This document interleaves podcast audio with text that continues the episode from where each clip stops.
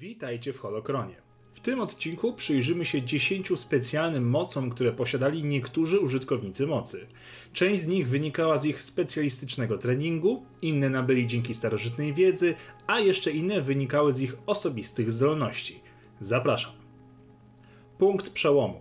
Sam tytuł książki z mistrzem Windu wskazuje na jego specjalną umiejętność.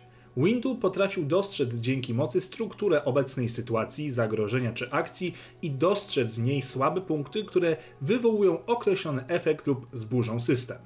To coś na pograniczu krótkiego widzenia czasoprzestrzeni budującej daną sytuację.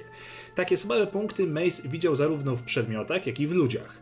Nie jest znany żaden inny mistrz potrafiący korzystać z tej umiejętności.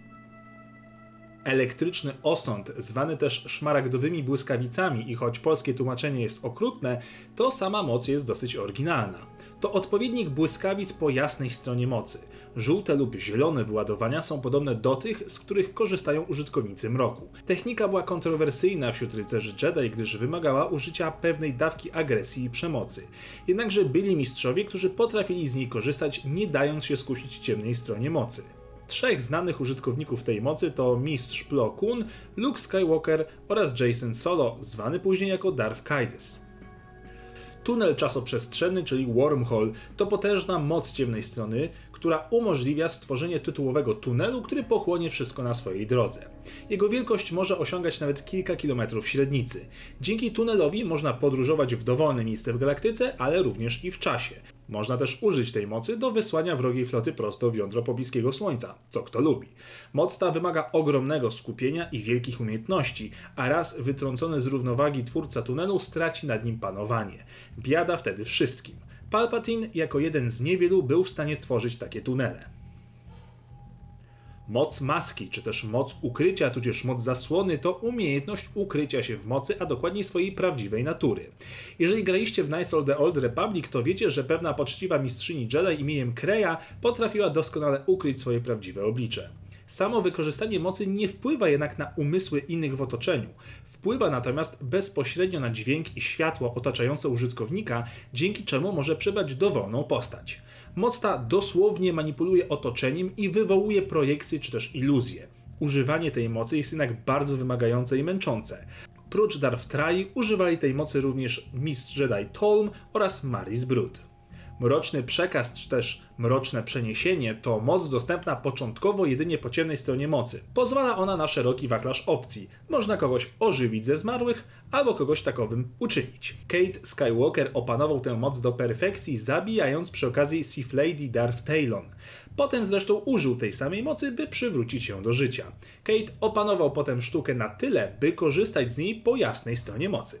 Crucitorn to specjalna moc znana tylko mistrzowi Jedi imieniem Eve Koth. Mistrz Jedi ten potrafił sprawić u swoich wrogów, że zwykła, niewielka rana sprawiała agonalny ból i przeciwnie, u sojuszników nawet śmiertelne rany były odbierane przez nich jak zadrapania, co umożliwiało im często dalszą walkę. Nie ma żadnych informacji, by ktoś inny potrafił korzystać z tej mocy. Podobne jednak w efekcie techniki nauczył się swojego czasu Jason Solo podczas bycia rycerzem Jedi. Ściana światła to według podręcznika Jedi vs. Sith The Essential Guide to the Force jedna z potężniejszych umiejętności umiejętności po jasnej stronie mocy. Moc ta wymaga pracy kilku Jedi jednocześnie. Wspólnymi siłami tworzą oni ścianę światła, która potrafi zatrzymać oraz uwięzić użytkownika ciemnej strony mocy, a nawet odciąć go od mocy zupełnie. Mocy tej, tyle że spotęgowanej przez tysiące Jedi, użyto by zatrzymać i pokonać Exarkuna. Psychometria to z kolei moc pozwalająca dostrzec lub poznać jakieś cenne informacje dzięki dotknięciu nieożywionego przedmiotu. Użytkownik mocy potrafi dzięki temu poznać emocje, wspomnienia czy krótkie impresje przeszłości dzięki jakiemuś przedmiotowi. Quinlan Voss używał psychometrii podczas wojen klonów. Dotknięcie miecza swojego dawnego mistrza wyjawiło mu, że zginął on z ręki Asajj Ventress.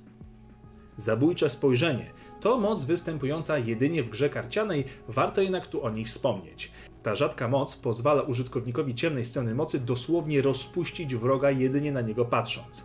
Niestety używanie tej mocy wiąże się z ryzykiem spopielenia i zniszczenia swoich towarzyszy, gdyż każdy, kto będzie w zasięgu wzroku, ulegnie śmierci. Jedynym znanym użytkownikiem tej mocy była prorokini Saris. Spacer pamięci to z kolei moc pozwalająca na zajrzenie w podświadomość innej istoty i przeżycia ich wspomnień czy też największych koszmarów. Może być wykorzystywana jako narzędzie tortur. Należy tu jednak zauważyć, że potężny ból niektórych wspomnień potrafi u używającego mocy wywołać prawdziwy ból fizyczny. Co ciekawe, ofiary, które zostały torturowane przy pomocy tej umiejętności, dysponują później zwiększoną inteligencją oraz sprawnością intelektualną. Spacer pamięci to umiejętność nabyta przez wrażliwego na moc Rokura Gepta, który wykorzystał ją na swoim oponencie Lando Carlisianie.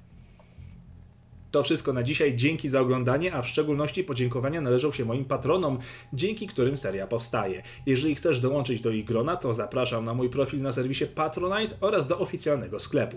W komentarzu zostaw propozycję na kolejny odcinek lub odwiedź fanpage na Facebooku. I pamiętajcie, moc zawsze będzie z wami.